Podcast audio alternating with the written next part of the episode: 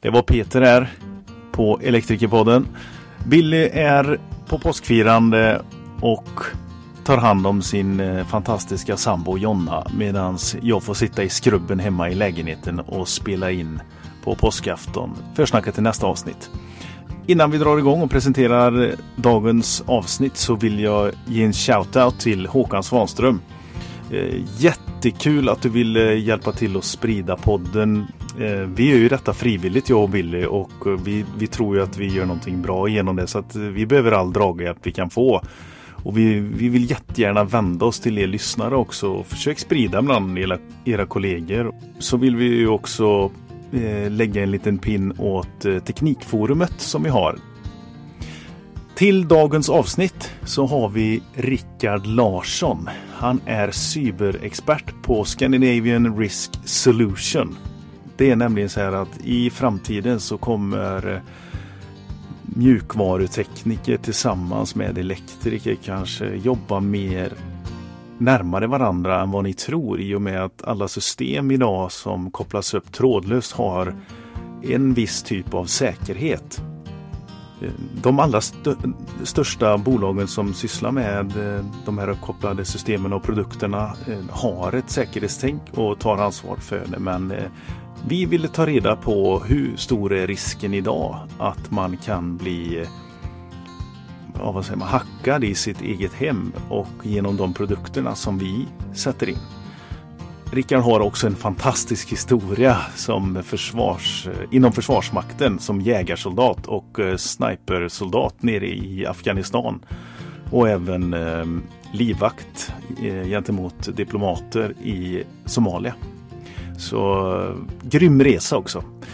Eh, vi hoppas att ni tycker det är minst lika roligt som vi tyckte att det var att sitta och lyssna på Rickard när han svarar tydligt och rakt precis som en militär ska göra. Så eh, håll till godo allihopa så kör vi på bara. Ha det gött!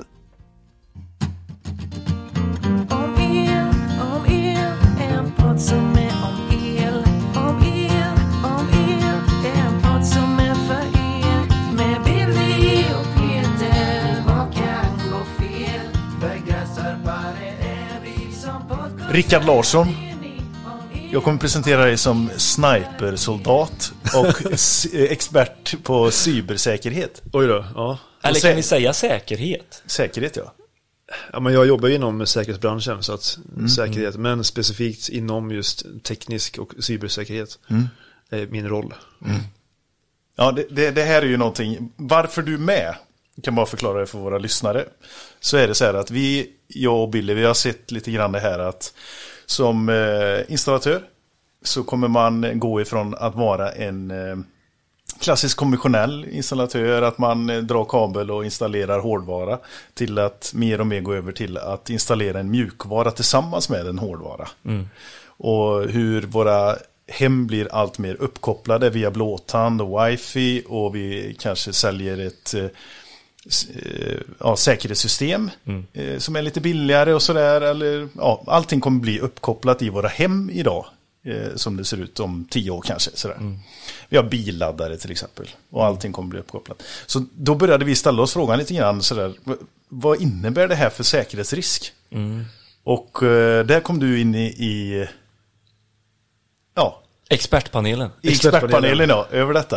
Aha. Vi kan ju också säga att du är ju en barndomskompis eh, till mig. Vi känner ju varandra sedan way back. Mm, och yes. Eh, du och Billy är ju också Ja. Fa vi, våra, vi är, kan man säga familjevänner. Ja, precis. ja. Så, men det är inte bara därför eh, att du är en barndomskompis som att du är här, utan det här är ju verkligen ditt expertområde. Som det är ju bara... att han ställer upp gratis också. ja, precis. det gör väl Jag känner mig speciellt utvald, tack även. Ja. Kan inte du bara eh, för våra lyssnare berätta vad det är du är anställd som idag och vad det är din profession är för någonting?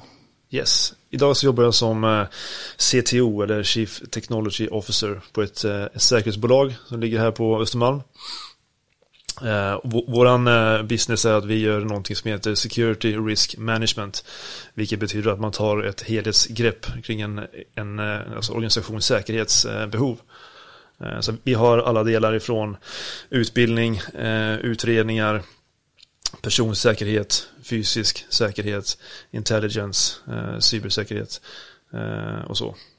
Och min del då i den här kakan är just det här, det här tekniska perspektivet eh, och, och lite cybersäkerhet. Även om vi har en annan chef som håller på med cybersäkerhet specifikt så är jag inne och snuddar på det också. Där fick jag 10 000 frågor med en gång, bara på den. Eh, men kan vi inte backa bandet helt och hållet, eh, vad som ledde dig till, eh, till det här? Mm, till den här rollen just. Till det här säkerhets... Ja, men vi, ja. Alltså, ja, precis. Att komma in i säkerhet. Ja. Jag ja. skulle ju vilja... Var kommer intresset ifrån? Det att... måste ju vara way back när jag var barn egentligen. Ja, det är bara att börja Rickard. Mm. Ska vi? ja, du får bygga upp det. Min eh, pappa är militär. Han var ju officer under många år. Eh, och man... Eh, har alltid varit nyfiken på det här yrket. Så att jag ville ju tidigt göra lumpen och, och de här bitarna. Eh, så jag eh, kom in på det spåret. Så det, det kom nog därifrån. Jag jobbade i Försvarsmakten i många år.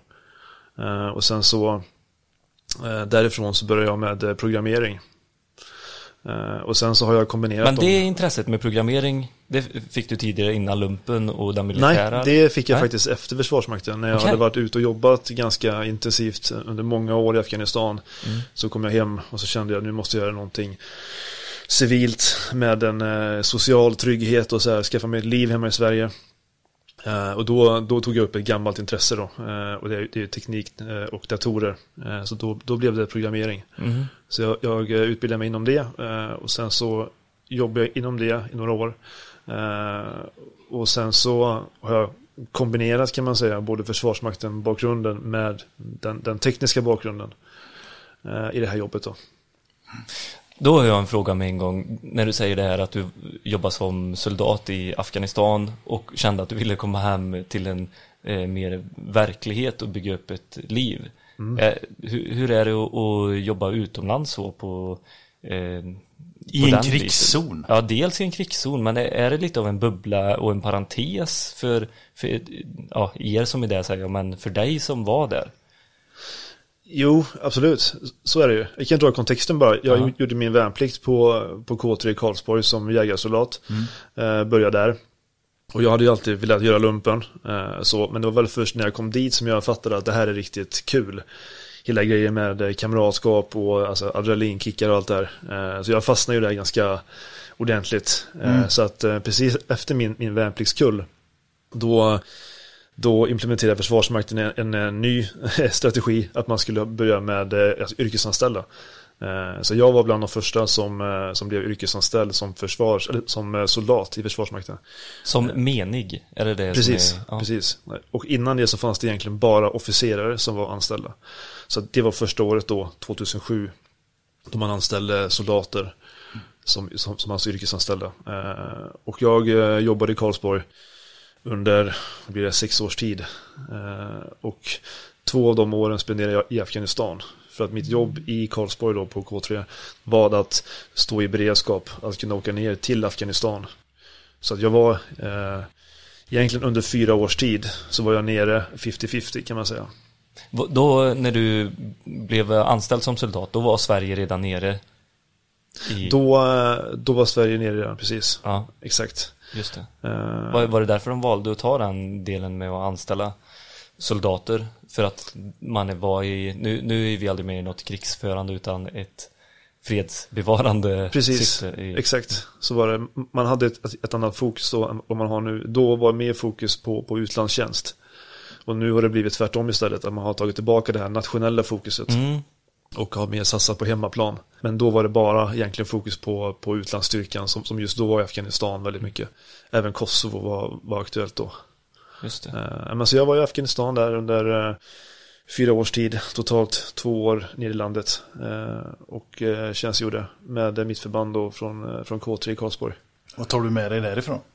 Ja, men jättemycket. Det är ju den personen som jag är idag har jag ju blivit på grund av de åren där nere. Ja. Eh, bland annat. Men alltså det är en jättestor del av ens liv. Eh, är det ju absolut. Och ni är ju stark, ni har starka band emellan er också. Ja, de som, jag umgås med. med där. Ja, alltså de som jag umgås med fortfarande idag är, är ju de som jag tjänstgjorde med där nere. Liksom. Ja. Mm. Vi jobbar på kontoret allihopa. till exempel. Okej, ni Jaha. jobbar på samma... Ja, vi, vi har liksom hängt det, har, det är liksom samma kaka av, av bekanta som har så här Ja. följt med. Så även i, i Somalia så var det samma individer som jag jobbade med först i Afghanistan. Ja, okej. Eh, Och nu jobbar vi på kontoret på, på SRS då. Okej, så ni var hela samma styrka i Afghanistan som i Somalia. Är det... Vad gjorde det du i? Somalia? Varför hamnade du i Somalia? Vad gör vi där? Ja, men jag var där privat. Jag kan ju, om, om jag backar bandet lite. Så, eh, om vi, eh, nu är det 2012 typ. Eh, då, då har jag kommit hem till Sverige efter många år i Afghanistan. Eh, och känner att nu vill jag göra någonting civilt, någonting tryggt så. Tryggt i, form av social trygghet. Ha ett umgänge igen hemma i Sverige och så här, skaffa flickvän och de bitarna som alla andra gör. Ja. Volvo, Pilla, Ja, nej, ja. Nej, inte så långt. inte. Så. Eh, men vit så- eller röd färg på huset. Ja, jag ska inte fortsätta. Ja. Äh, men så jag eh, började söka på internet på olika utbildningar. Eh, och var väl ganska så här hungrig på att komma igång och, jobba. Var väl inte jättesugen kanske på att plugga någonting just då. Eh, och jag ville ju, ville ju plugga programmering. Eller jobba med det främst. Men, men, men eh, jag var ju tvungen först att, jobba, att eh, plugga det. Och eh, då pratade jag med en kompis som sa att de har precis börjat med ett nytt koncept nu som heter yrkeshögskola. Som går ut på att du, eh, du tar en genvägen till branschen. Ja. Du, du gör två år istället för typ fyra år. Mm. Och så får du samma jobb som de som har läst på KTH och Chalmers. Och det passar mig ganska bra så. Jag var, var väl kanske just då inte så sugen på att lära mig saker utan jag ville mest bara komma igång att jobba. Men då, då började du läsa den YH-utbildningen där på två år. Programmering av, eh, vad var det du lärde dig programmera? Den heter Java-utvecklare och, och, och alltså Java är ett programmeringsspråk. Ja, Så det var egentligen bara ett språk som du pluggade då under den tiden. Eh, och den, eh, den, den utbildningen var klockren. För att det som den gjorde var att den öppnade dörren åt dig och sen så fick du själv gå igenom dörren som man säger. Så att de, de lärarna som vi hade, det var konsulter ifrån branschen som var inhyrda, som, som jobbade som konsulter och tog ett break för att utbilda. Ja. Eh, och, och kom in och gjorde det och, och var ju jätteduktiga på det. Liksom. Så att du fick lära dig allting som var vä- väldigt dagsfärskt så. Mm. Som du kanske inte fick göra på en, eh, en, en akademisk utbildning. Så att jag, eh, jag, jag blev helt hooked på det här, jag fastnade på det. Eh, och bara älskade det. Eh, och gjorde skoluppgifterna fort. Och sen så bara satt jag och byggde egna saker. Mhm. Sen. Eh, ja du programmerar själv. Utveckla på egen kammare liksom. Precis, alltså, ja. kolla på andra språk och sådär. Och, eh, och Java som vi pluggar, det, det kan jag väl idag fortfarande, men det är inte det jag är bäst på, utan det är bara någonting som liksom som öppnar dörren för att eh, bli, bli en programmerare. Mm. Och sen så fick man eh, själv hitta andra språk. Och så. Eh, så, så att det gick ganska bra. Eh, jag fick en, en praktikplats på ett bolag som heter HiQ, som är ett konsultbolag. Min lärare frågade mig om jag ville min, lärare var kompis med en chef på HiQ och HiQ innan har inte tagit in praktikanter utan man anställde bara akademiker. Eh, Men, men de skulle göra något sånt test. Så då, då sa min lärare att du får ta med dig en till och så kan du göra din praktik där. Så jag och min kompis Micke, eh, vi satt där och, och var svårt seriösa. Kom dit eh, sex på morgonen, gick sex på kvällen. bara leverera så jäkla hårt. liksom. Ja. Och sen så jobbar vi som ett par i varje uppdrag som vi fick. Aha. För att de tyckte att vi jobbar bra ihop. Eh, Så vi jobbar i ett par liksom hela tiden. Mm. Så fick vi jobb på ett forskningsinstitut i Göteborg som heter Victoria Rice. Där vi satt med ett forskningsprojekt i ett år. Ja. Och knackade. Eh, Kod, precis. Eh, Satt där i ett sånt forskarteam med en massa smarta doktorer. Eh, Och det var jätteutvecklande såklart. Rickard och Micke och massa smarta. Ja, precis. Det var, det var jäkligt kul att se de här smarta individerna. När de, många av dem var ju, de, var ju alltså otroligt smarta. Men de kunde ju inte så utföra enkla saker som att knyta ett skosnöre till exempel. De snubblar. Hur, hur var de i det sociala då? För det kan ju också vara när man är över. Jo, precis. Eh, Exakt. eh, Så de var ju lite avvikande på det sättet. Mm. De hade ju inte, eh, de så här, kanske inte prioriterar samma saker som vi gör. Att om, om man ska gå in i ett möte så kanske man kollar till sig innan att inte kragen på kavajen står rakt upp Mm. och att skosnörena är öppna och så här. Men de, de tänkte inte på sånt. De hade ju bara sitt eh, projekt liksom i Ja. huvudet. Eh, Och det tycker jag var så jäkla coolt. Att de var så himla in i det, det de gjorde. Ja. Eh, Och till slut kan du få ta hand om hela svenska pandemi och heter Tegnér i efternamn. Ja. Nej, sen, sen efter det så uh, började jag jobba i, i Försvarsmakten uh, med programmering. Gjorde jag under, under ett år. Och det var väl egentligen då jag började sakna egentligen det här, det här att komma ut och vara, Mm. vara ute i världen. Så, så att jag... Uh, Va, började du i Försvarsmakten? ja, jag, Och jag, gjorde, vad har de för kodare? de har också kodare. Har de som Eller kanske andra. inte får säga vad, vad det är ni jobbar inom? Nej, vi kan lämna det. Okej, ja. Eh, och sen så... Uh, för nu känner jag att det blir så drygt. Bara, nej, vi kan lämna det. Nej, det är, det är mer mystiskt och coolt. Ja, och sen är du även militär så Ja, du ska ju liksom... det. eh, Ja. Du ska ju fan tysta honom. Ja. typ. Och det gjorde du. Halt. Nej men det var ett jättebra jobb. Men sen så kände jag att jag blev lite, jag blev uttråkad för att om man kommer, jag har ju fortfarande den här Afghanistan-bakgrunden och har ju det här man tycker det är kul att vara ute i, i konfliktzoner liksom och det här med spänningen och äventyret och allt det här. Så jag kände att nu har jag kommit till det här ekorrhjulet som jag lovar mig själv att aldrig hamna i. Eh, och blev, eh, blev tillfrågad av några kompisar från K3 som, som jobbade privat då i ett företag. Säkerhetsföretag. Precis, Ja. säkerhetsföretag. Och det är samma säkerhetsföretag som jag är anställd i nu idag, SRS. Men är det det som kallas legosoldat? Ja. Den biten som du tog, det är att vara anställd i privat sektor som soldat? Ja, Eller är legosoldat något fult att säga? Eller? Det är väl lite fult eh, i branschen så. Okay. Alltså legosoldat i min värld är ju om man är du är soldat, du, du, du löser militära uppgifter, eh, du är anställd av eh, en, en privat aktör för att kanske destabilisera en, eh, ett land liksom. Mhm. Eller att, att du för krig mot någon. Ja, jag förstår. Eh, Det som vi, vi gjorde i Somalia var ju inte alls så, utan vi var ju eh, personskyddsoperatörer. Mm. Alltså livvakter. Mm, just det. Eh, Sen så var du ju klädd som en soldat. Du, du ser ut som en soldat. Du har på dig samma utrustning. Du har hjälm, du har eh, plate carrier, du har automatkarbin och, och pistol och sådär. Så att du, du ser ut som en soldat. Så att det är lätt att göra den, den kopplingen. Men eh, det är ju inte alls eh, den typen av uppgifter. Utan eh, våran uppgift var ju att, att skydda våra skyddspersoner. Eh, som var, eh, var eh, diplomater. Ja, just det. Så Så Hur fasen funkar det? Får man, för där ska man ju alltså gå in med, i ett kontrakt där du ska vara villig att sätta ditt liv för en person? Eller är det bara något som man ser på film? Nej, att du ska men- hoppa framför personen och ta skottet? Ja, just den grejen är väl lite så här Hollywood kanske, att man Okej, ja. hoppar framför. Men du, du kommer ju göra ditt absoluta yttersta för att rädda personen. Det är ju det du är där för liksom. Mm. Eh, Hur tränas man inför något sånt? Just i Somalia så var, då var Försvarsmakten en ganska bra bakgrund. För att det som vi gjorde där var ganska likt Försvarsmakten på det sättet att det var väldigt, eh, men det är ganska högriskmiljö i Mogadishu som vi, vi rörde oss i. Så du åker i pansarfordon och du åker i full utrustning som, som man gör som soldat. Så att sättet som vi rörde oss på var ganska militäriskt så. Ganska likt eh, din resa i Afghanistan Ja, eller? precis. Ja, det var det. Dock inte alls lika offensivt. Eh, För där har vi ju inget, inget mandat på något sätt att, att liksom göra någonting emot någon. Det är bara om du blir attackerad själv som du får försvara dig själv. Vad, kan du berätta om någon händelse i Afghanistan där? Eller vad, vad var din profession där? Det är inte ett expertområde i Afghanistan. Vad säger man? Jag kan inte detta. Nej men jag var prickskytt var jag i Afghanistan. Ja, visst är det så. Det är Ja. därför jag kan presentera dig som snipersoldat. ja, jag var prickskytt, så jag var egentligen jag är utbildad prickskytt, men där nere så var jag skarpskytt. Och eh, skillnaden mellan skarpskytt och prickskytt är att om man är prickskytt så, så jobbar man i par. En, en, en alltså observatör och en skytt. Precis, den som ligger med kikaren, kollar avståndet och eh, vindhastighet. Precis, Ja. precis. Eh, och då, då agerar man ensamt också. Att du är ute parsvis och löser uppgifter.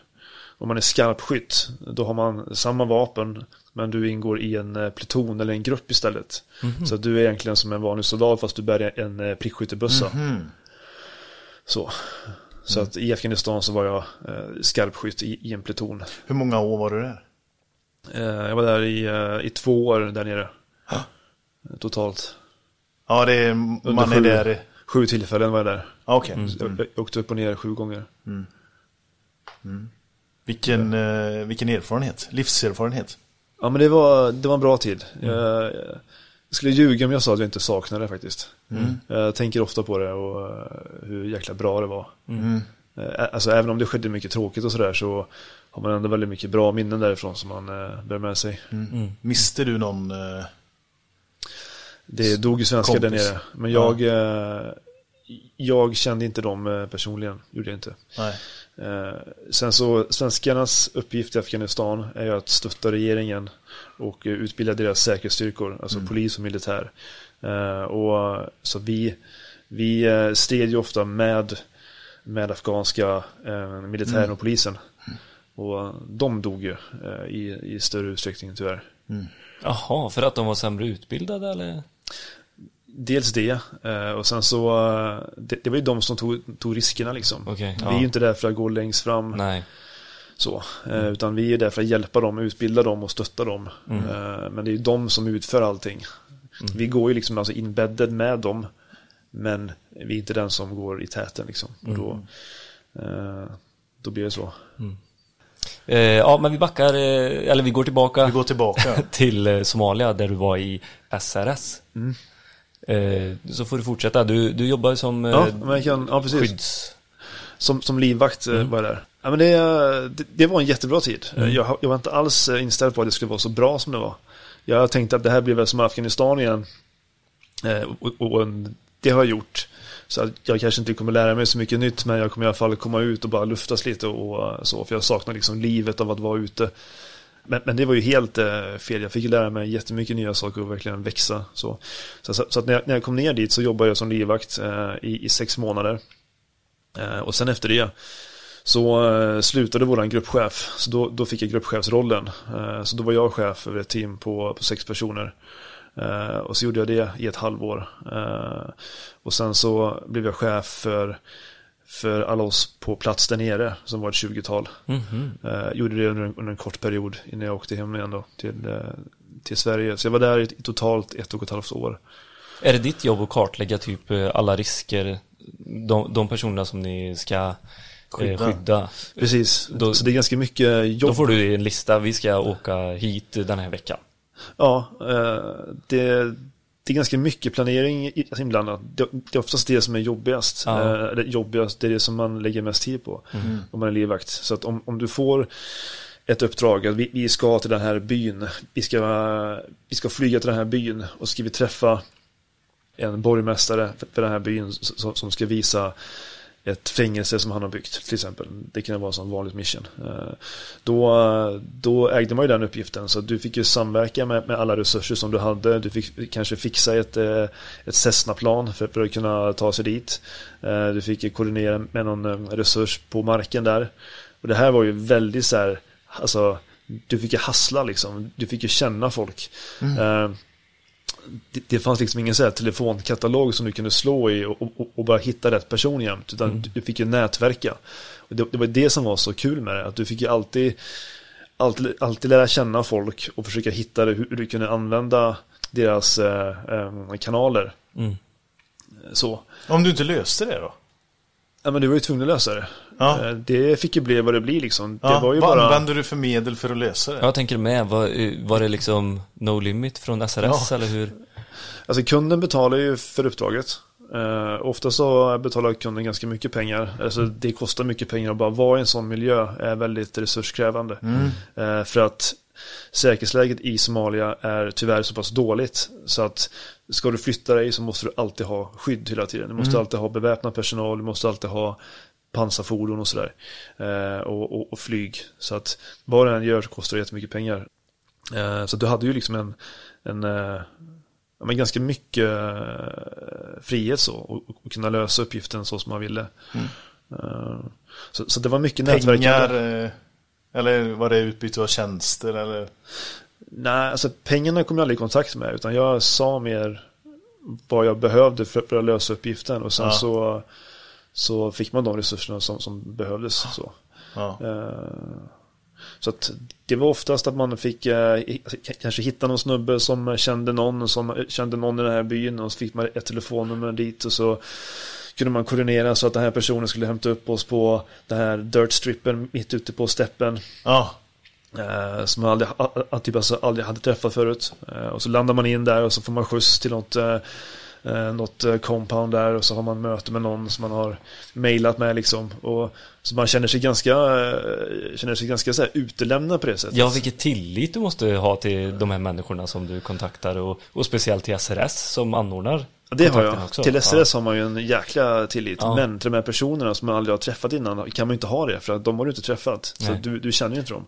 Um, så det är det man bygger upp med tiden. För att mm. kanske första gången så är det ganska nervöst och, mm. och, och, och sticka ut någonstans till något så här okänt ställe.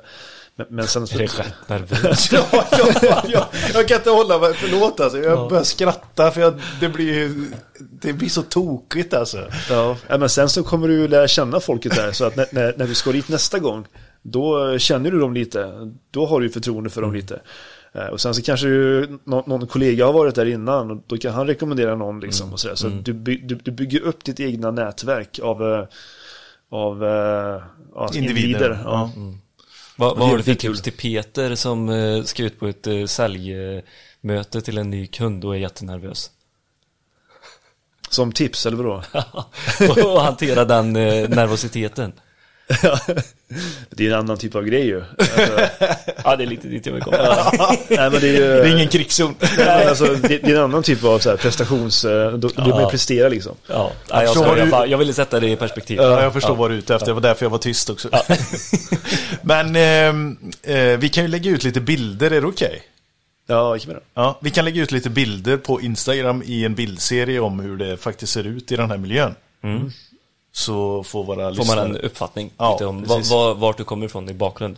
Mm. Mm. För vi går vidare i eh, eh, Vi går vidare i din karriär.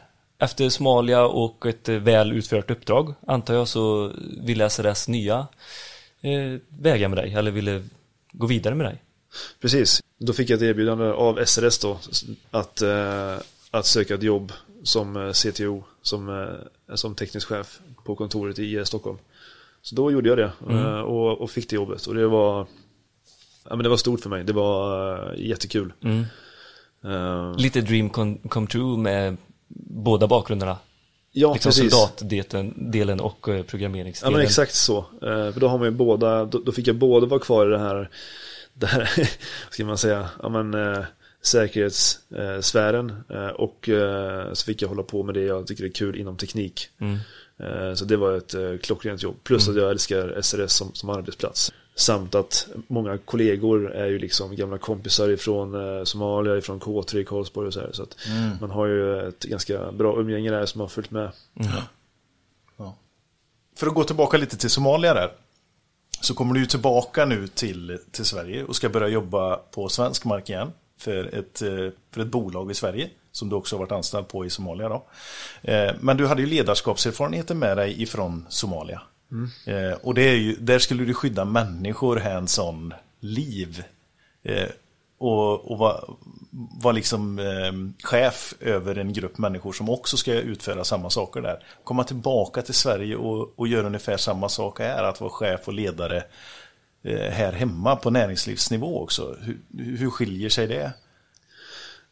Jo men det är, det är ganska stor skillnad på det sättet att i Somalia så eh, de som var i mitt team då det var ju mina gamla kollegor ifrån, eh, från K3 i Karlsborg och även andra som inte var ifrån K3 men alla hade ju en militär bakgrund så alla mm. är ju vana vid att lösa gruppuppgifter som militärer och i Försvarsmakten så kan man var ganska rak. Eh, du kan kommunicera väldigt tydligt med folk.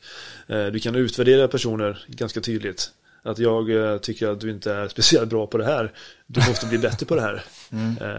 Så. Det kan man ju inte göra i det civila på samma sätt. Och det, det är någonting som blev tydligt liksom. Och det, det är någonting jag brottas med hela tiden. När jag får sådana infall och bara utvärderar folk. Mm och tänker att det här är bra för den personen. För då, mm, för, utvecklande för den ja, personen att höra detta. Mm. Här får du av mig feedback så att du kan bli bättre. Men där har jag verkligen fått så här, bita mig i tungan mm. och tänka till en gång till att nej, det, det kanske inte tas emot så som jag eh, önskar att det tas emot. jag själv älskar ju att få sån rak feedback. Men det betyder ju inte att alla andra älskar det för att jag gör det. Ja, men det, det kan jag hålla med om lite grann. Sen är, har ju inte jag varit i militären då. Men jag kan också vara lite sådär, lite för rakt på emellanåt. Bara säga, precis som du säger, en utvärdering. Ja. det här behöver du faktiskt träna på. Hem och gör det, ungefär. Men jag utvärderar också mig själv och ifrågasätter mig själv så himla mycket. Fram Lika tills dess. hårt. Lika hårt, ja. Och fram tills dess så säger det, så då blir jag osäker och så skiter jag i det. Det är ganska svenskt. Ja, men, eh, det där är Man blir konflikträdd, Ja. konflikträdd på vägen. Ja. Eh, en eh, sån stor kulturkrock som blev, det var när jag kom hem ifrån, eh, ifrån Afghanistan.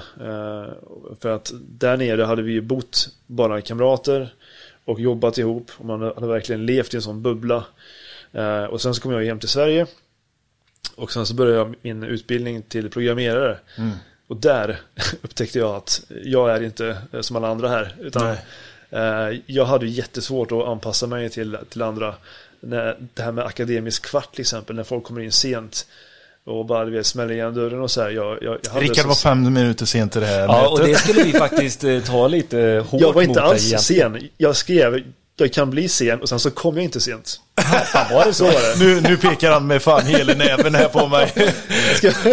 Både med ögonen och med, med handen. Sätt dig ner Peter. Ja. Okej, jag sätter mig ner. Nej men, sätt dig ner.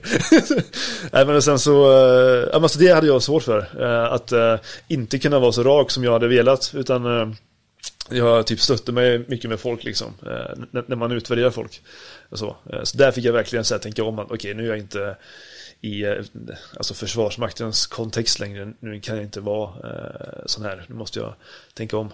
Men mer att du blev ovän med människor eller att eh, de, dina in- medarbetare eller eh, kollegor i, vad det nu fall var i skolan, att de bara tyckte så här, fan vilken oskön gubbe. Ja men så var det nog mer. Eh, För jag Ja. blir inte så här, det, det, det blir aldrig bråk. Alltså, Nej, jag okej, blir inte nej. bråka med folk. Utan jag, jag, jag, bara är mig själv. Sen så märker man att eh, folk bara tycker att okej, det, det, det där var lite oskönt. Så här. Mm. Det var lite så här onödigt. Och så tänker jag att det, det, det var väl ingenting liksom. Mm. Och sen att vissa av dem kanske till och med kom och sa det. Att så här, det, det, det som du sa förut där, eh, det var lite oskönt av dig. Och då blir det en sån, sån aha-upplevelse. Jaha, Mm. Men du vet, det, det får jag med nu vet du.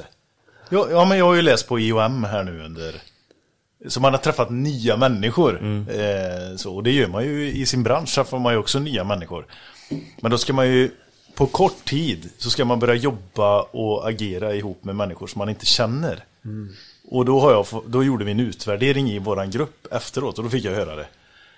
Ja, du är väldigt rakt på Peter. Tack. Ja, ja, jag, ja, men där är jag ju sån. Då är jag pr- pragmatisk i det och, och tycker, ja, men vad bra, då går vi ju framåt. Exakt det har jag i min del av den chefsrollen jag har också, att jag är väldigt rak på och tydlig. Och det är långt ifrån alla som gillar det alltså. Nej, det ska vara lite lull och eh, eh, känns det bra för dig och sånt där. Ah, Fast man vill ju ha det också. Du och jag vill ha det också, Billy. ah, jag, ja, ja, jag vet inte. Fast Kanske man inte behöver inte välja alltid, utan man kan ju liksom man kan ju sköta det snyggt. Man Ja. kan ju vara tydlig fast på ett skönt sätt. Precis. Ja. Det är väl det jag har fått, lära mig nu då, den Ja. här tiden. Kanske du kan lära mig Peter? Ja. Nej men faktiskt, jag, jag, för jag har jättesvårt för att hitta någon form av mellannivå på det. Då kan jag bli osäker själv istället. Och då vill jag ta ett beslut, då, då kan jag börja ifrågasätta mig själv 10 000 gånger. Jag kan lika gärna lämna rummet för de sköta sitt. Ja. För, eh, nej, det, det, det blir ingen bra känsla i mig. En jättebra eh, bok är eh, ska säga, alltså, eh, How to make friends and influence people. Eh, jättebra. Okej. Det här rekommenderar vi till lyssnarna som sitter i, ja, i ledande roller då kanske. Ja, absolut. Det handlar egentligen om hur man tar människor. Eh, och det är mycket så här basic saker som man, man tycker att man kan det, men Ja, man är dålig på att använda det. ja. Som till exempel att säga folks namn hela tiden. Men som du säger där Peter, jättebra poäng där du. Mm. så här, bara så här, alltså enkla saker. Ja, men Jag tror väl att vi, vi som sitter här i rummet är kanske lite hårda mot oss själva nu. Men kommer man med erfarenheter av att man har blivit tillsagd, så som du blev där och även jag då, så tar man ju åt sig utav det. Och, och man får en liten ögonöppnare. Och nej men, så, nej, men så uppfattas jag väl inte. Eh, och det ska man ju uppskatta också. Att den personen kom fram och sa det där. Faktiskt. Och så får man ju reflektera lite grann över det. Och Ja, Och man kan inte vara rak mot andra och sen bli sur själv. När man blir utvärderad. Då. Det kan jag i och för sig vara. Då har du lite mer att jobba på. Ja, jag har väldigt svårt för att, det, det var faktiskt en av mina chefer som jag har haft nu de senaste sex åren som sa till mig att eh, Peter, jag, jag har insett att du har svårt för kritik. Du bara, Har jag väl inte. Ja, det har jag väl ändå inte, sa jag. Jag är väl jättebra på det. Ja, jag förstår att du tror det. Ja, och där stannar diskussionen. och du bara, du har svårt för kritik. Ja. ja. Den rollen som du har på SRS idag, vad heter den? Den heter eh, Chief Technology Officer. Oj, häftigt. Ja, alltså teknisk chef på svenska. Ja, det är inte lika häftigt. Ja, men det ska vara, jag är, jag är account manager och engelskt. Ja, skitsamma. Och det är korvsäljare på den. typ. Alla skrattar. Eh, vad innebär den rollen? Du drog ju lite grann i början här vad det är du gör, men vad innebär den, eh, vad gör du på måndag? På måndag så, eh, men jag har ju, jag har två delar egentligen. Okej. på- på Ja, du får berätta. Som ena delen heter IT Operations och det är vår våran IT-drift. Så all IT egentligen på, på SRS. In, interna IT. Ja, intern IT. Och även också när vi hjälper kunder med IT-problem. Alltså inte rena IT-support-ärenden utan mer eh, vilken typ av eh, infrastruktur ska jag ha i, i det här liksom, kontoret till exempel. Eh, för att det ska vara så säkert som möjligt. Mm. Då är det även vår IT eh, Ops-del som stöttar med det. Eh, och sen så har vi en del som heter eh, IT Development som är vår utvecklingsdel. Och där har vi tre stycken programmerare som, som jobbar med att bygga verktyg som vi använder internt och eh, sådana som vi säljer utåt till, till kunder. Och det är oftast eh, skräddarsydda lösningar eh, inom säkerhetsskrået. då. Är det slarvigt kallat moduler eller? Ja, alltså vi har ju en, en, plattform kan man säga. Ja. Som man kan, eh, kan eh, köpa våra säkerhetstjänster i. Och sen så bygger vi moduler till den plattformen. Som är anpassat för just den kunden. Ja, precis. Ja. precis. Eller en sån generell som, som många kan ha användning av. Mm. Vad är det för kunder ni jobbar mot? Hur ser marknaden ut? Eh, Myndigheter och större organisationer brukar det vara. Eh, brukar det vara. Mm. Så inte, Även en del privatkunder faktiskt också. Eh, Jaha, det är så? Ja. Okej. Mm.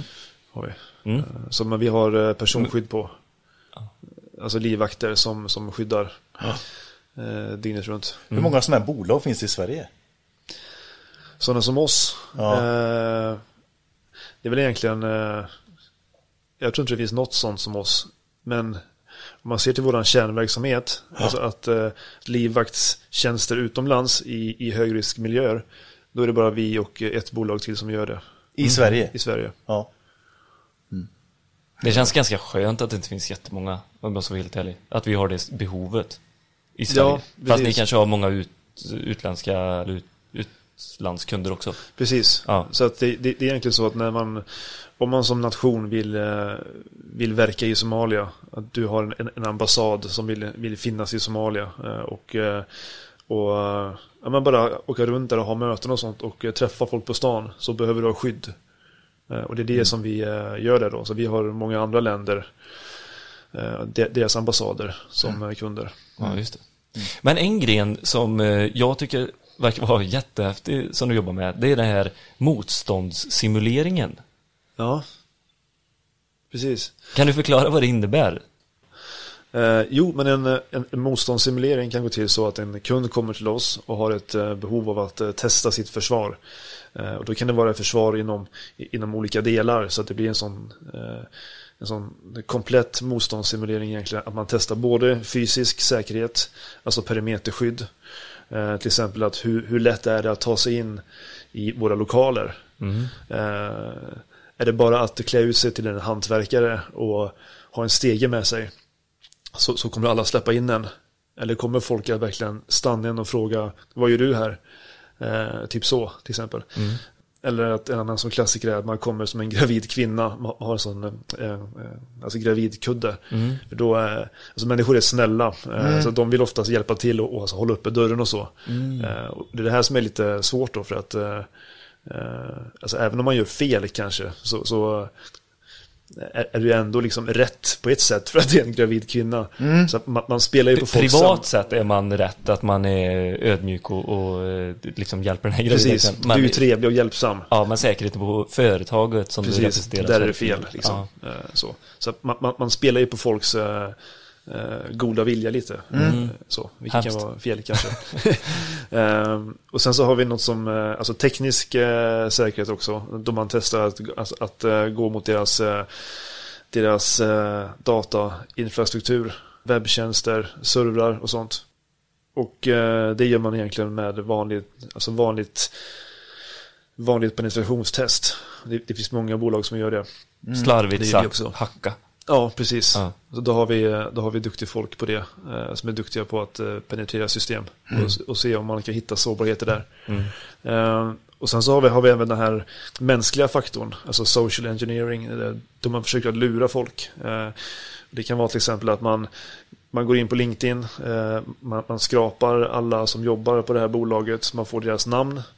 Eh, man mejlar någon någon vanlig fråga, du får ett svar tillbaka och så kopierar du signaturen så att det ser legit ut. Och sen så skapar du en egen domän som är ganska lik det bolagets domän. Eh, och sen så mejlar du ifrån den personen med den, den signaturen. Eh, oftast är CFO, alltså, eh, alltså ekonomichefen, eh, Mm. ganska bra. Eh, och sen så mejlar man ut någonting till alla om att din lönespecifikation Mm. är eventuellt fel. Var god, klicka på filen här och, och kontrollera att den är rätt. Lönen, det, det är en sån grej som ofta funkar. Och så kan man se hur många det är som klickar på, på filen och sådär. Mm. Och vad kommer man åt då? då? Alltså, det är ju ingen, ingen skadlig kod i det som vi gör. Vi, vi liksom infekterar ju inga system med Nej. skadlig kod. Men det man får ut av det är ju att du, du ser hur många det är som har klickat på filen. Ja. Sårbarheten upptäcks Precis, mer. så det, är en, Ja. det är en sårbarhet i, liksom, äh, i äh, alltså organisationens äh, skydd. Mm. Så att du kan, du kan utbilda folk. Att det var så här många som klickade på filen. Mm. Hur kan vi tyda att det var fel liksom, innan vi klickar på filen och så vidare? Ja, så kan man lägga på utbildning. Att följa upp med utbildning. Att äh, så här kan, kan en phishing-kampanj se ut till exempel. Det kommer en lönebrev liksom äh, och så. Ehm, så att äh, även de bitarna. Mm. Oj, vad jag sitter och tänker på en situation som jag var med om nu faktiskt. Mhm. Vad? Du har blivit inspelad på på när min du kamera. sitter och eh, tillfredsställer dig själv. Skicka 10 000 annars så lägger du ut det. Det var inte jag. eh, nej, eh, jag fick ett, eh, ett sms. Eh, och så stod det ju väldigt tydligt så här, Postnord. Typ. Mm. Ja. Men de brukar aldrig meddela en så på det sättet som jag fick det här smset. Nej. Men eh, så visste jag att jag hade beställt en grej som skulle komma ifrån Tyskland. Eh, och jag klickade på den här länken. Och så kommer in på en länk som inte alls är Postnord. Det är Postnörd. ja men typ. Och då, det, jag är inte med om det så ofta faktiskt. Alltså att man kommer in på, man, man får de här mejlen och, smsen eller något sånt där. Men det, jag vet inte, det är väl något liknande då. Ja, men det är ju jättevanligt. Det var Jag har ju jättevanligt, en ja. mail. Ja, då är min telefon. Då kan vi lägga undan den. Ja. Jag har ju en mail som jag skapade när jag var 16 år typ. Mm. Den mailen har jag ju registrerat mig på alla sidor typ i hela världen på. Eh, och de, de flesta blir, blir, blir liksom hackade någon gång. De, de blir breachade, att nå- någon tar sig in och eh, snor databasen med alla eh, uppgifter. Så att den här eh, mailen har ju blivit så här läckt eh, hundra gånger i alla möjliga läckor som finns. Så att, eh, och då hamnar den automatiskt på dark web eh, och hamnar i stora listor som går runt bland, bland sådana här eh, men spam-organisationer som skickar ut spam och skadlig kod. Alltså och, och virus. Så jag får ju ofta eh, prov på det som sker just nu typ för att min mail ligger eh, med i de här listorna. Så, så jag får ju ofta sådana här phishing-mail. Ah, vilket är ganska intressant att se hur, eh, hur utvecklingen går framåt. Så du har kvar den i, i typ... Eh, ehm, är så här utbildande. ja, Utbildande. utbildande syfte. Ja. Ja. Precis. Ja, shit alltså. Det finns ju så otroligt mycket frågor på, på det. Eh, men hur, skulle man kunna skydda sig mot, eh, mot en sån grej? Alltså, eh, Mot uh, phishing just. Ja. Eh, ja, det bästa är att eh, kolla vilken e-mail det är. Det, det är oftast... eh, Det finns en sån eh, hemsida där du kan kolla ifall du blivit utsatt för eh, Phishing. phishing och om ditt lösenord ligger ute. Ja, men det finns många sådana tjänster. Ja. Eh, Fishtank är ju en sån som eh, samlar alla, alla phishing-försök. Mm. Och eh, eh, Have you been pwned? Eller I have been pwned heter den tror jag. Mm. Eh, av Troy Hunt, en, en, en säkerhetsforskare. Mm. Som eh, gör att man kan, man kan skriva in sin eh, e-mail. Eh, och sen så syns det om den eh, finns i någon läcka någonstans. Vad ska man göra då för att komma ifrån det?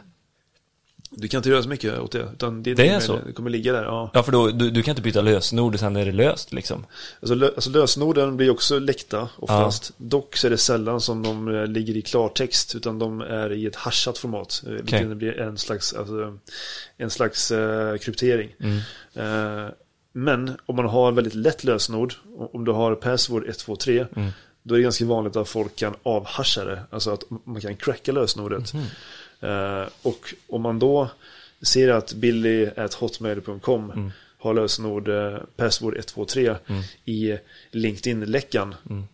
Då tänker man att åh, kanske har Billy det här lösenordet även på Facebook. Mm. Och många har ju det också. Alltså många har ju samma password överallt. Mm. Så det är den största anledningen till att folk blir hackade. Min Det fråga att- till dig är, har du det? Vad sa du? Har du det? Jag har en eh, password manager. Okej. Som är... eh, Jättekonstiga eh, haranger till lösenord eller? Eh, ja, precis. Så den, den autogenererar ju fram ett jättesvårt lösenord. Mm. Så att jag har, jag har olika lösenord till varje konto. Sen så har jag Som ett, du inte kan själv eller? Nej, precis. Ja. Sen så har jag ett eh, starkt lösenord in till min, eh, min password manager då. Mm. För att, Som är Rickard 123. Ja, precis. Nej, C eller K? KC eller? Ja, om, om man byter ut eh, L mot etta. ja är man helt säker. Hacksaw-språket. Ja. Nej, men så det är en bra grej att, eh, att ha en password manager. Så att Mm. du bara behöver ha ett lösenord i huvudet. Eh, Och sen så har du olika lösenord till alla konton. Det, Mm. det skulle jag rekommendera alla att ha. För att det är den absolut främsta anledningen till att man blir hackad. Det är att man har samma lösenord till olika konton och att ett blir läckt. Mm. Och sen så finns det skript som bara kör, bara testar det här alltså automatiskt. Eh, som går in på de typ 100 vanligaste plattformarna och bara testar. Så att folk får ut, eh, de, de som är kriminella då, eh, de, de får ut en lista på men, eh. Han har de här tjänsterna Mm. med det här lösenordet. Tror Jag, är, jag känner direkt att jag är körd. jag med.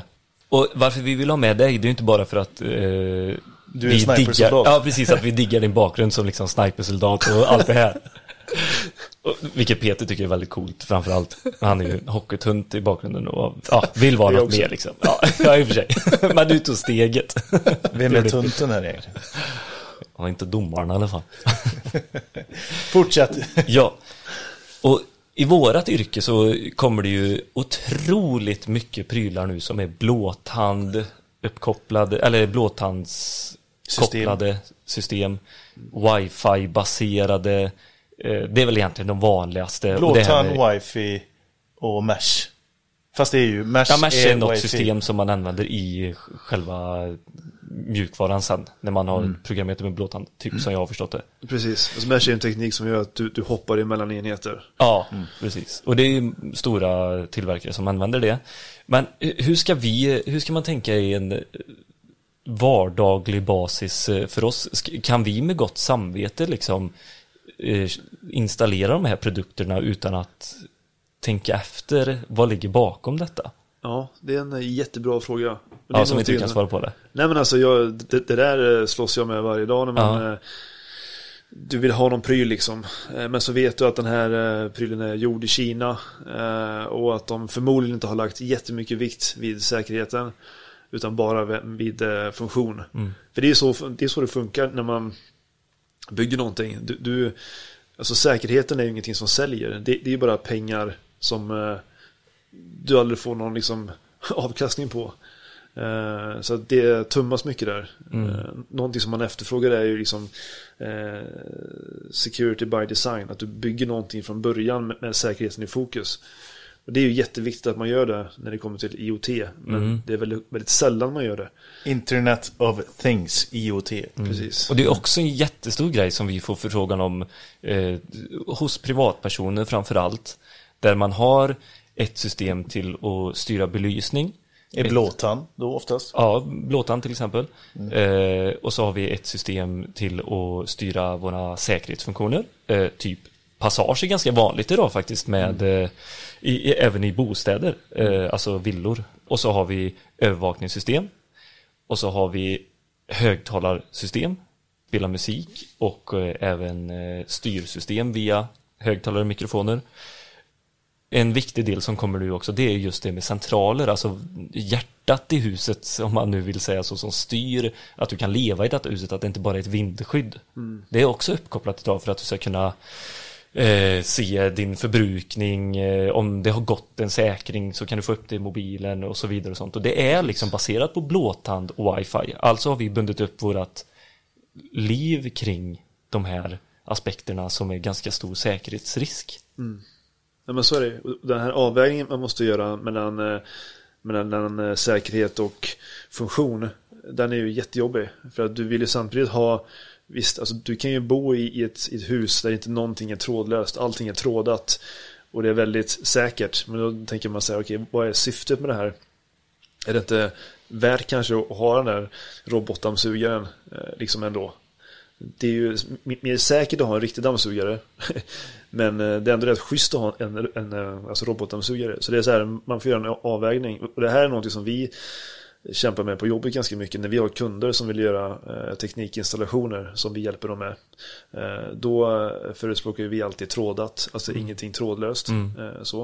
Eh, men då har ju också kunder vissa önskemål eller krav så, som gör att våran design inte riktigt håller. Så att det, det blir alltid det här om du släpper in någonting som är trådlöst. Det, det spelar ingen roll hur bra eh, försvar du har på resten då, om, om du alltså öppnar upp miljön eh, ja, utåt. Mm. Eh, det finns en jättebra sökmotor på internet som heter Showdown, mm. eh, som är en sökmotor som, som listar alla IoT-enheter i världen som är öppna mot internet. Och majoriteten av de här har default, eh, alltså credentials. Som är oftast admin admin eller admin password. Just det. Så du kan gå in på en... För åtkomsten till... Eh, Precis. Så, så, du kan så här, koppla upp det mot någons eh, eh, kamera, typ i trädgården eller någon eh, dörrklocka liksom, eh, som är helt, helt öppen. Mm. Uh, och, det, och, det, är bara för att man inte tänker säkerhet främst. Utan mm. du tänker liksom funktion för mm. Det var inget svar på din fråga där, Billy. Men, jag vet inte om jag hade en rak fråga om jag ska vara helt ärlig med det. Det är konstaterande av den verkligheten ja. som, som vi står i idag i våran bransch. Att vi, mm. vi tillåter ju alla de här systemen, att, eller nya teknikerna och nya produktserier och så här komma till oss. Och vi tycker det är jättebra. Men eh, vi har inte gjort så mycket säkerhetsanalys och riskanalys på det och våra slutkunder, eh, familjen som köper huset, mm. Som har alla de här systemen uppkopplade, de vet inte heller. De antar ju att vi kommer med, med trygga, säkra produkter. Mm. Verkligen. Och jag tror faktiskt inte att jag tror inte att utvärderingen ifrån, om vi säger grossistled, Mm. Vi som köper in ifrån de här leverantörerna att den utvärderingen görs inte där utan man antar också att vi är CE-märkta även i systemen, mjukvara. Så jag tror att vi egentligen bara ska greppa lite grann om grunden till hur man kanske ska tänka och utvärdera en produkt innan man köper in den och sätter in den hos en slutkund. Mm. En, en, sak som jag brukar eh, mm. göra eh, det, det, är att kolla på vilken tillverkare det är. Mm. Eh, vi använder ingenting som kommer från Kina till exempel. Eh, så att sen så är det mycket komponenter som ändå är byggda i Kina men mm. att det inte är ett kinesiskt bolag som har satt ihop och byggt produkten. Mm. Eh, till exempel. Mm. Att man gör lite due diligence på själva bolaget som man köper av. Men tycker du att det är upp till liksom den sista slutkunden. slutkunden och brukaren att kolla upp detta innan man köper en produkt av oss? Eller är det våran skyldighet som säljer den här produkten till slutkunden?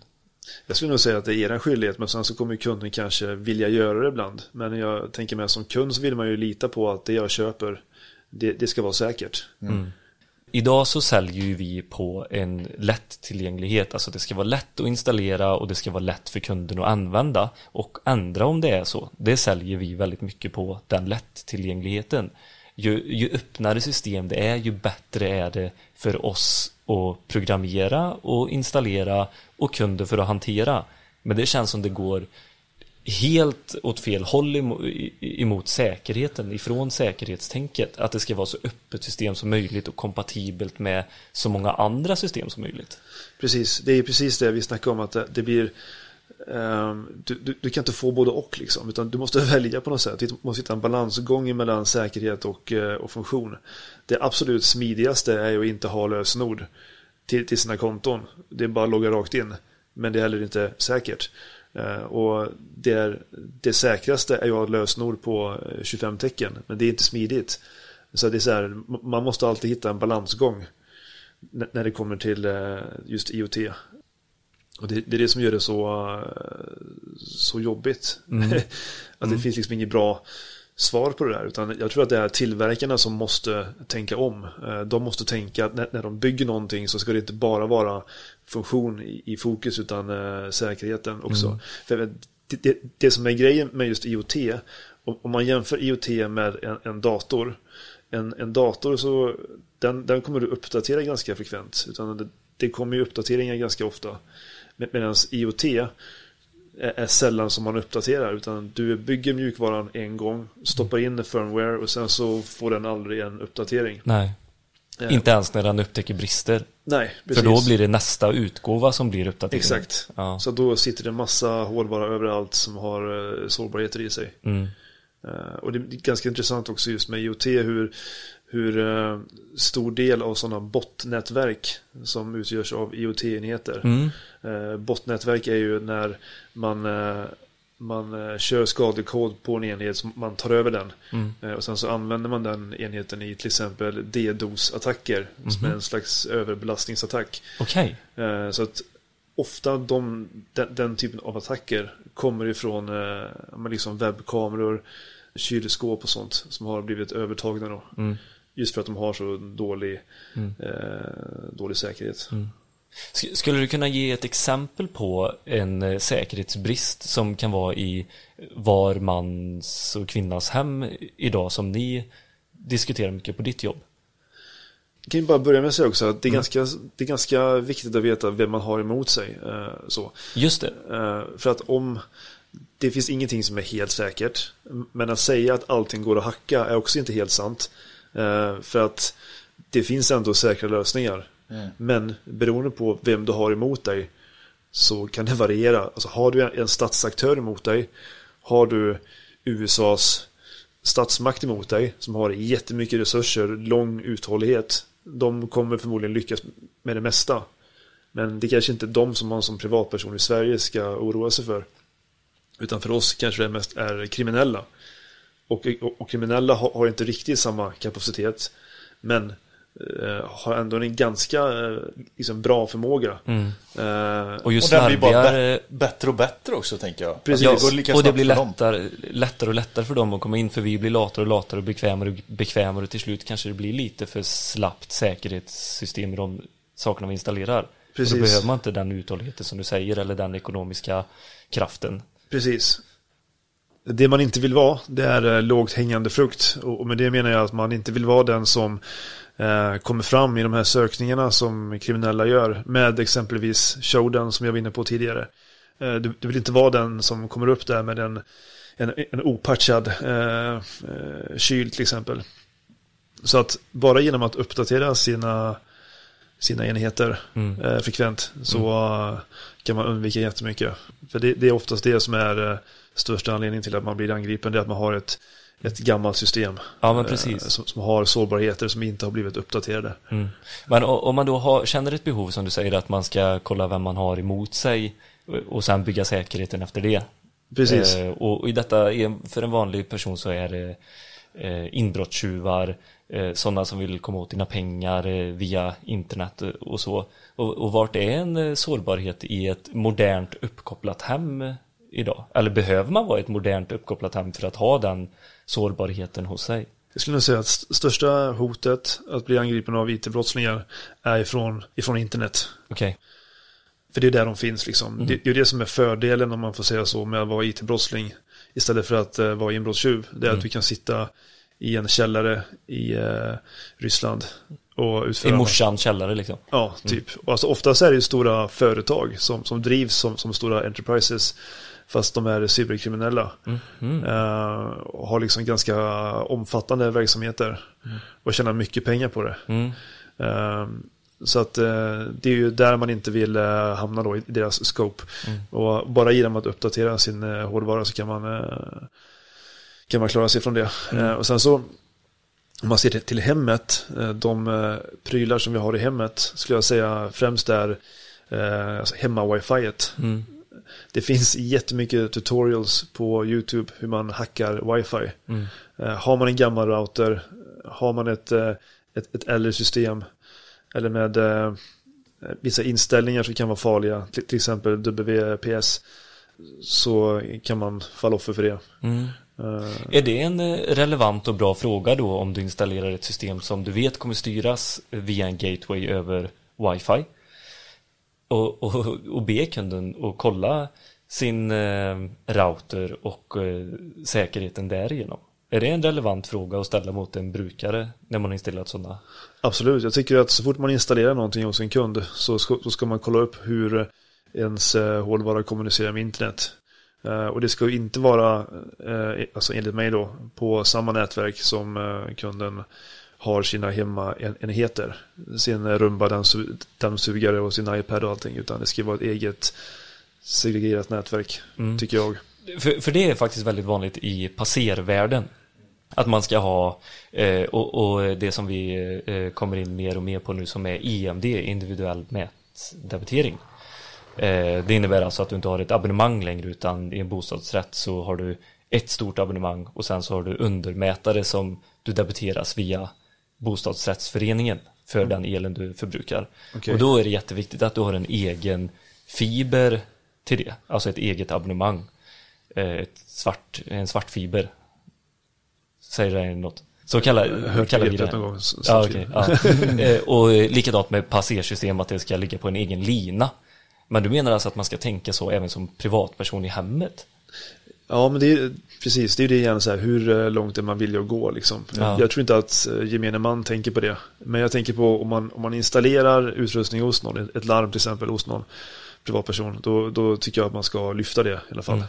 Och speciellt om det är trådlöst och går över internet. Ja, precis. Ja. För rent krasst då så skulle man kunna komma in utifrån om man kommer in via wifi och hela systemet finns på hemmanätverket så skulle man kunna påverka det utifrån gatan. Mm.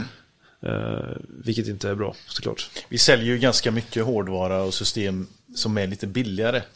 Eh, speciellt lås eh, eller säkerhetssystem.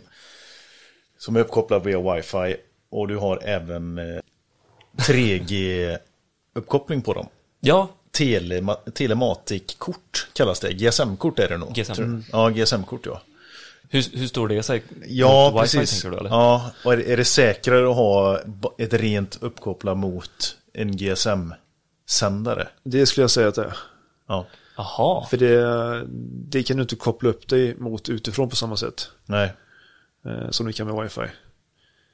Det var intressant, tycker jag. Mm. Det är ju eh, de som bor ute på landet, eh, eller ute på landet, du behöver inte bo ute på landet, men i vissa städer och sånt. Eh, de har ju skitbra 4G-uppkoppling, eller förhoppningsvis 5G här nu. Då, då känns det nästan bättre än att koppla på sig på, på fibern och så eller? Eller i och för sig, när du får 4G och sen så kopplar du på wifi-routern, då är du lika sårbar som med en fiber in i huset. Ja, om, om den kommunicerar med ditt uh, wifi-nätverk ja. så, så spelar det ja, ingen roll. Det är den svagaste punkten. Så. Ändå. Men jag tror att uh, anledningen till att många kör med GSM-moduler i så är att för att, uh, eller anledningen till att man inte gör det ska jag säga, är att det är mycket smidigare att bara koppla upp det mot ens hemmanätverk. Ah, okay. det, det, är en sån bekvämlighetsgrej. Mm. Och kanske billigare också, du behöver inte ha ett abonnemang extra för det, kanske. Mm. Du berättade ju en intressant sak förut, Rickard. Och det var ju om hur man kan på utsidan ett kontor koppla upp sig mot trådlösa möss. Ja, precis. Det är en sån del i vår motståndssimulering. Att man, eh, man eh, från utsidan eh, med, med en, en Rent antenn. fysiskt står man nu. Precis, du, ja. du sitter i en bil på parkeringen och så har du, har du en riktantenn. Och sen så riktar du den emot kontoret så kan du så kan du sniffa trafik ifrån trådlösa möss. Så mm. att du ser hur, hur många trådlösa möss det finns i, i byggnaden. Och sen så kan du även i vissa fall, i vissa modeller så kan du även ta över den uppkopplingen. Så att du får datorn att tro att du själv är, är, musen och sen så byter du till ett tangentbord så att datorn tror att den är uppkopplad till ett tangentbord istället. Och sen så kör du keystrokes så att du skickar kommandon till datorn. Så att det som händer är att det kommer upp massa text på datorn. Mm. Eh, Men bara lite snabbt. Så Ja. är liksom Precis, så så. det tar en sekund och så kan Ja. du skriva in typ 20 tecken.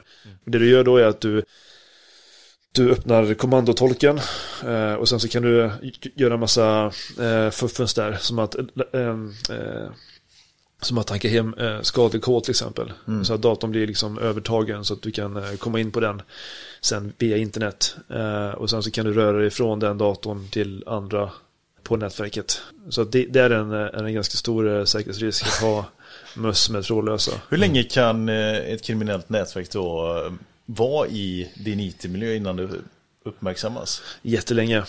Uh, alltså jättelänge. Ett exempel på eh, när, man inte vet om att någon har varit inne. Det är till exempel när bolag eller organisationer, myndigheter blir, hackade. Och sen så läcker ut information. eh, och, och, och alltså ingen vet varför. Och sen så gör man en, en forensisk insats. Då man går in och tittar på vem som har varit på, på nätverket.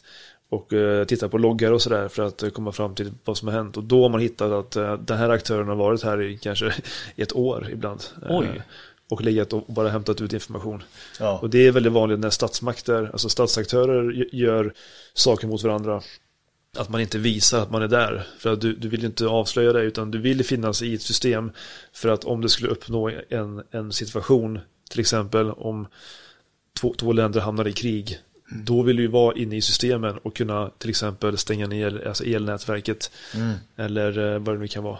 Så att du vill ju egentligen ligga där och vänta tills att du, du behöver ha någonting eller förstöra någonting. Men kriminella kanske inte jobbar riktigt på samma sätt utan de, de tar nog mer det de eh, behöver med en gång. Ja. Hur, hur mycket eh, kan du se om du kopplar in den på min dator och min webb, webbkamera? Det beror på väldigt mycket om, om din dator är uppdaterad till exempel, vilket operativsystem du kör och sådär. Om, om du har en jättegammal Windows-burk så är det i stort sett öppet för vem som helst. V- vad är jättegammalt idag då? Jag- vet Fem inte. år?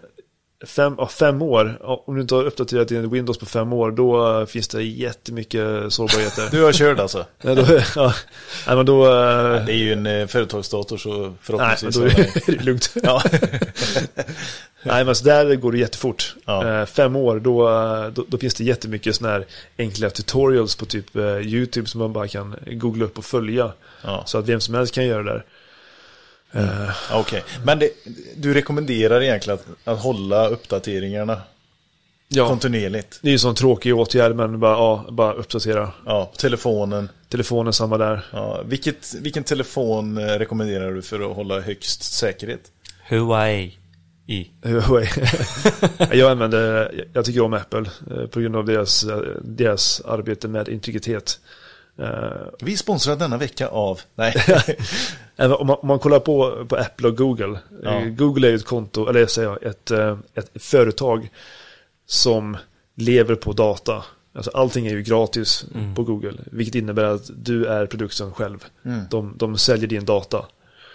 Eh, Apple å andra sidan, de säljer ju hårdvara. De, de säljer eh, telefoner och datorer. Så att de, de tjänar ju sina pengar på det. Så att de behöver inte sälja din data. Eh, Och jag eh, föredrar att betala för en telefon en gång. eh, Och sen att jag inte blir bestulen på min data. Än att hela tiden liksom bli tömd på data som sen säljs till massa annonsörer och sådär. Hur bedömer du risken för vanliga Svenssons som har nu blåtand och wifi uppkopplade system? Låg skulle jag säga. Ja. För att om du ska bli attackerad via wifi, att någon fysiskt sett står utanför ditt hus, till exempel. Det innebär att då har du en sån riktad hotbild emot dig. Då har du någon specifik som, vill som är ute efter just dig. Och det är ganska få av oss som, som har det.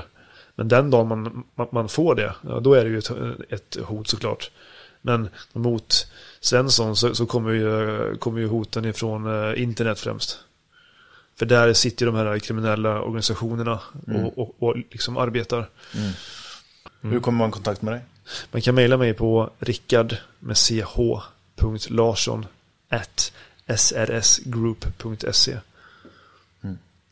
Är det, eh, finns det någon eh, plats för eh, de som kommer från vårt led, alltså installationsledet och som är väldigt duktiga på IT-installation och den biten? Ja, vi har ett område som heter operativ teknik eh, som gör installationer just, alltså larm och kamerainstallationer.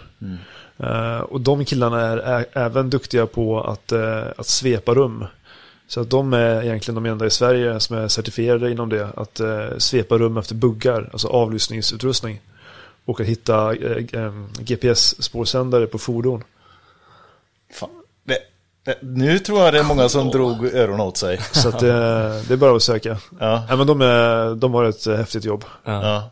Och de gör också lite mer avancerade installationer. Så att det är inte så mycket hemlarm och kamera utan det är mer om kunder som har en lite mer ambitiös eh, säkerhetsplan liksom. Eh, lite eh, större hus eller sådär. Så, så brukar de eh, skissa upp en eh, ganska holistisk lösning med kanske seismiska sensorer i marken som känner av om man går på gräset. Bladradar, eh, kanske någon sensor för att eh, Bla, bladradar? slags radar som går som en, ett blad kan man säga, som en vägg. Så man, man ser om någon passerar den så kan man få en position på vilken, Ah, vilken koordinat som den, den, den blev eh, bruten då. ja. Markradar jobbar vi mycket med också. Väldigt bra om man ska ha koll på ett stort område. Och så kan du få en, en koordinat på den som går där. Eh, och så kan man vända PTZ-kameror mot det. Så att du kan få ganska bra effekt med att Alltså om någon kommer att gå på en gräsmatta till exempel så, då kan du vända upp PTZ-kameror och eh, strålkastare emot den punkten och liksom följa efter den personen som går där. Mm. Sådana grejer. Eh, drönarskydd gör vi my- mycket också. Att vi har sensorer för att känna av om någon flyger drönare över din, eh, ditt hus. Och då vänds de här kulsprute... Precis, då har vi eh, då är det kulspruta och eldkastare som eh, arbetar. Och Rickard själv med, sitt, Ja, med sin lilla puffra där. med älgbössan. Ja. Ja, det, det här är, det är så kul och man ser ju viss likhet med ditt jobb och vårat, det här som du säger att det utvecklas hela tiden och att vi måste hänga med i den utvecklingen som sker just nu. Eh, även fast det är på olika nivåer. Så är det sjukt intressant och eh, jag tror att många har frågor till dig. Eh, går det att ställa det utan att behöva söka jobb? Eller via, ja, fråga absolut. gärna via oss så kan vi ta det till Rickard och, och så kanske vi får en uppföljning på detta också. Absolut. Med cybersäkerhet. Absolut. Rickard, grymt tack. Mm, tack så jättemycket. Bra Tack så mycket. jobbat. Det var jättekul att vara här. DNA on